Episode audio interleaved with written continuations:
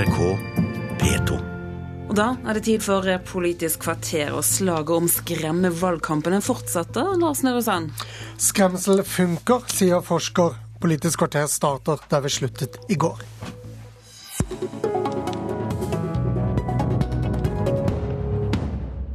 Det verste synes jeg, er at de med jevne mellomrom sier at vi i Arbeiderpartiet driver med skremselspropaganda og sittenvalgkamp. Og målet deres med å si det, det er for at de skal få folk til å tro at det er sant. Det er Arbeiderpartiet som har lagt seg på ei skremselslinje. Men Én ting er å spissformulere seg, en annen ting er bevisst vri og vrenge på hva motparten sier. Og når vi gjør det, så skremmer vi ikke. Da forteller vi jo om det. Vi forteller jo om hva Høyre og Fremskrittspartiet vil med sine program. Er det en negativ valgkamp? Velkommen til Politisk kvarter. I går debatterte altså Arbeiderpartiet, Høyre og Frp skremmebilder og retorikk. I dag spør vi om skremsel funker som valgkampstrategi, og hvem som i så fall kan tjene på det.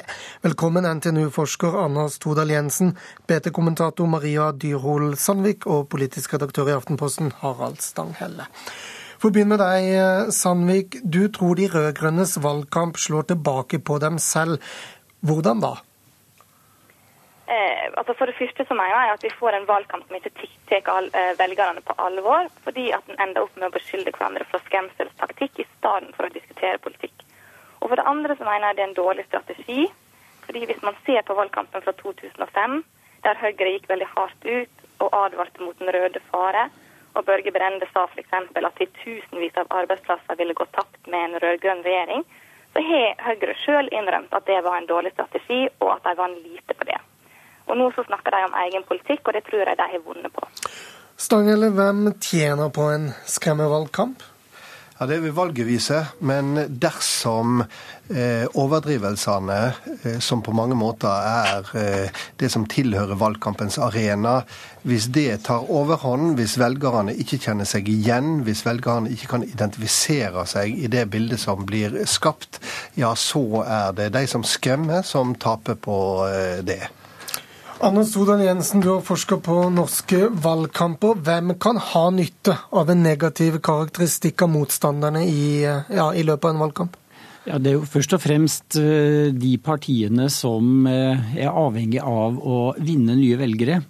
Altså underdoggen? Underdoggen i politikken vil ofte være den som ser seg tjent med å velge en sånn strategi. Og Det henger sammen med at hvis du skaper et bilde av en politisk motstander som vekker uro og frykt hos folk, så vil mange ta den politiske posisjonen opp til ny vurdering. Og da skaper du bevegelse i velgermassen. Men hva slags bevegelse er det Arbeiderpartiet kan få til her? Er det å få nye velgere selv, eller å hindre at noen stemmer på de andre, og kanskje bli hjemmesittere f.eks.? Hovedstrategien her er nok å passifisere andre velgere. Altså å redusere oppslutninga om først og fremst Fremskrittspartiet. Men sånne strategier er vanskeligere i flerpartisystemer enn i topartisystemer, fordi at det som fort kan skje her, om Arbeiderpartiet skulle lykkes med en sånn strategi, det er jo at gamle Frp-velgere går til Høyre. Og Det var jo noe av det Høyre opplevde i 2005, da de ville skremme med den røde fare i SV. De klarte å svekke SV betraktelig, men mange av de velgerne gikk jo til Arbeiderpartiet. Ja, hvordan kan du dokumentere disse påstandene? De er, dette er jo et fenomen som er veldig vanlig i amerikansk politikk. og Mye av dokumentasjonen av dette har vi fra studier av amerikansk politikk. og Der er det ingen tvil om at det å skape frykt og uro knytta til det andre partiet har vært en veldig viktig strategi i en del valgkamper, at det har virket. Stangele? Ja, Det er jo en strategi i alle valgkamper i alle land å advare mot motstanderen og konsekvensen av motstanderens politikk. Det som er Arbeiderpartiets problem i år, det er at å ta den underdog-posisjonen etter å ha styrt i åtte år, den er kinkig pedagogisk å få gjennom hos velgerne.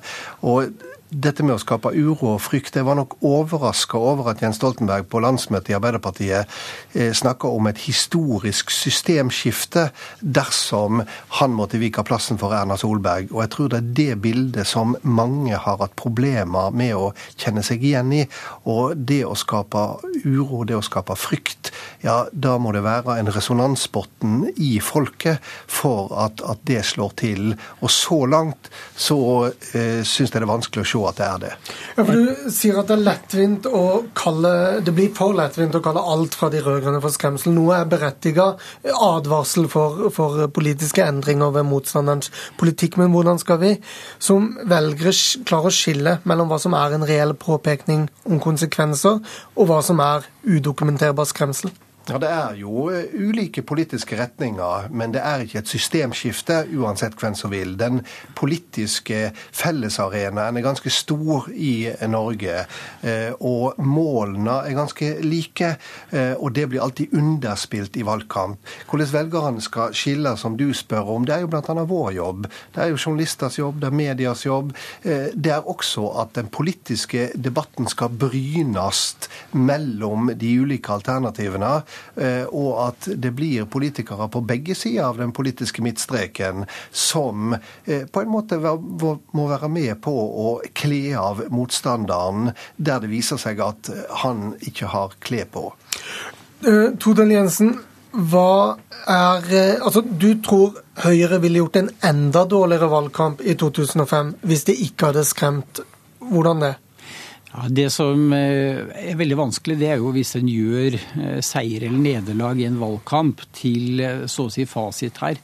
Vi måler jo alltid partienes oppslutning i prosenter ved valg, og jeg er overbevist om at Høyres strategi et stykke på vei var effektiv i 2005. De bidro kraftig til å svekke SV, men problemet deres var altså at de ikke oppnådde det de trodde de skulle oppnå, nemlig å få moderate Arbeiderparti-velgere som nye Høyre-velgere.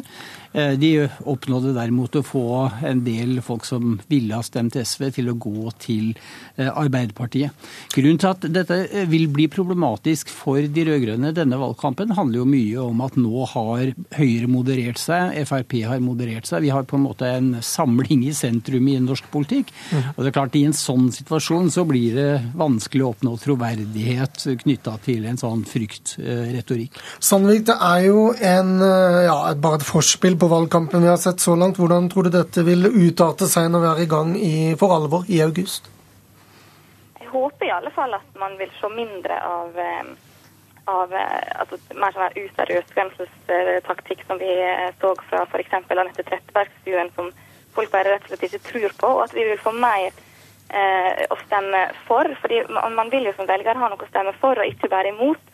Og da tror jeg at de rød-grønne må på banen og å være mer offensive og finne eh, noen egne prosjekt eh, som de ønsker å gjennomføre dersom de blir gjenvalgt. Fordi man, man, vinner altså valg på ting man skal gjøre, og nok ikke bare på ting man har gjort. Og Det tror jeg de må ta hensyn til. Stanley, hva har vi i vente, tror du? Jeg håper vi har en god valgkamp i eh, vente. Det er jo eh, relativt elementært at en eh, overdriver advarsler mot motstanderen og underdriver resultatet av det den sittende regjering har fått til. Det tilhører valgkampens natur. Men det er en balansegang her mellom å sette ting på spissen, sørge for at en valgkamp ikke blir keisam, og det å drive langsomt over i et eh, skremmebildevalgkamp som kan få veldig mange negative utslag. Også fordi at dette blir en sirkel som på en måte trigger eh, hverandre. Og så ser vi jo også at på, på, på den eh, borgerlige sida så har en jo også en del ord som nå begynner å gå igjen. Ordet gjennomføringskraft, f.eks., som ubevisst spiller på 22. juli-kommisjonen, som, tjener, som som spiller på politianalysen. Altså, en, en, en, trekker ikke den gode viljen til den sittende statsminister i tvil, men en trekker hans styringsevne, noe som alltid ellers har vært Jens Stoltenberg og Arbeiderpartiets pre. Så her ser vi på begge sider at det dukker opp interessante føringer som vi skal følge godt med på når valgkampen starter om en liten måned. Sandvik, hvordan kan eh, en sittende regjering eh, med rette eh, påpeke, at, ja, påpeke mulige konsekvenser av uprøvd politikk fra de som vil utfordre, uten at det virker som ukonstruktiv skremsel? Ja, først og fremst så må man jo da holde seg til det som er politisk mulig. og ikke det som liksom, i en tenkt situasjon kanskje kunne skjedd.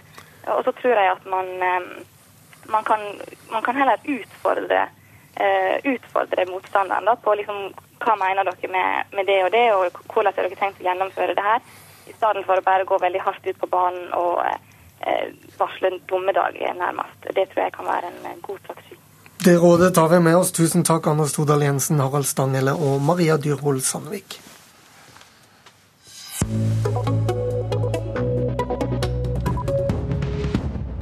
Knut Kvikstad er en eh, veldig dedikert person. Eh, da han var leder for Grønn Ungdom, så bygget han opp mye av den ungdomsorganisasjonen eh, sånn som den i dag er en sterk organisasjon. Han er veldig flink til å formidle politikk på en veldig nyansert og samtidig kjempeengasjerende måte. Det tror jeg er Knuts aller største styrke. At han ikke er noen lettvekter, men samtidig er veldig flink til å, å, å, formidle budskapet sitt på en måte som gjør at mange blir engasjert. Sa nasjonal talskvinne i Miljøpartiet De Grønne om deg, Knut Falk eh, Kvikstad. Velkommen. Du er sentralstyremedlem i partiet og tredje kandidat på Oslo-listen. Nå har vi hørt um, Hanna Markussen beskrive deg. Hvordan vil din mor beskrive deg? Tror, jeg tror hun ville ha omtalt meg som ganske tålmodig og snill og grei, og kanskje litt rotete, er jeg redd. Har du flydd Ryanair? Det tror jeg faktisk aldri har gjort. Er det noen spesiell grunn? Nei, det er ganske tilfeldig. Jeg har ikke flydd så veldig mye i mitt liv. Så... Men noen spesiell grunn er det ikke. Nå har det jo kommet flere gode grunner til å ikke fly Ryanair i det siste. Men eh, jeg må nok eh, si at det er dessverre en tilfeldighet.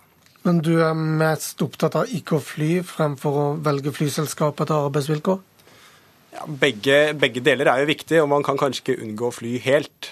Men eh, så jeg vil si begge deler kan være verdt å tenke på.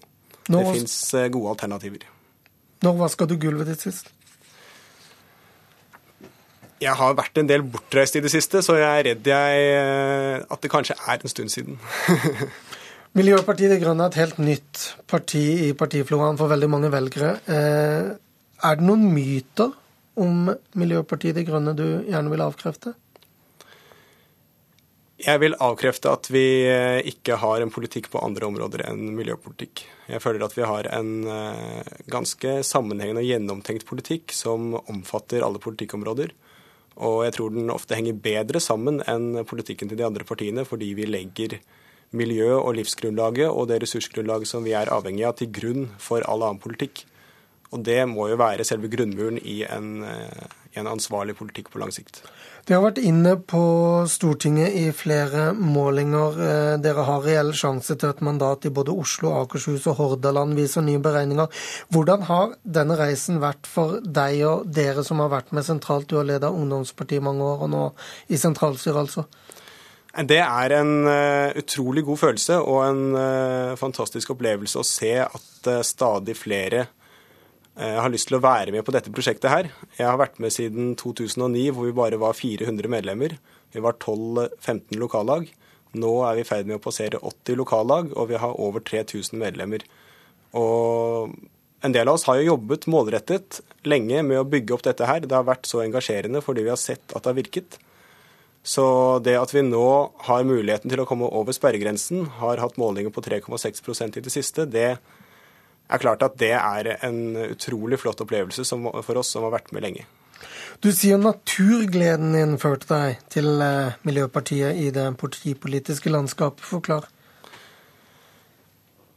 Det med friluftsliv og natur det går som en litt sånn rød tråd gjennom det jeg har drevet med hele livet. Jeg har brukt veldig mye tid i marka i Oslo. Jeg har brukt mye tid på fjellet eh, om sommeren. Og jeg har blitt veldig rett og slett glad i å bruke naturen.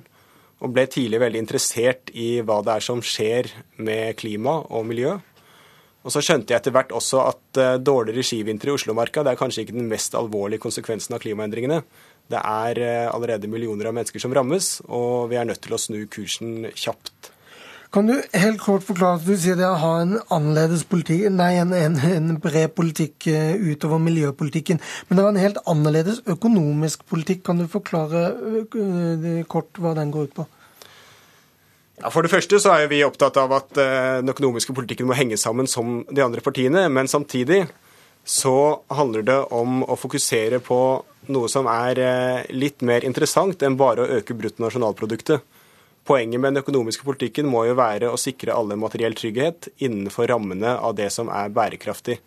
Så vi ser ikke at økonomisk vekst skal være et mål for politikken lenger. Vi tror at hvis man reduserer fokuset på mer forbruk, mer kjøpekraft, så får man mer tid i samfunnet til det som faktisk gir mennesker et bedre liv. Tusen takk, Knut eh, Kvikstad. Mitt navn er Lars Nehru Sand. Dette er Politisk kvarter. Takk for at du hører på.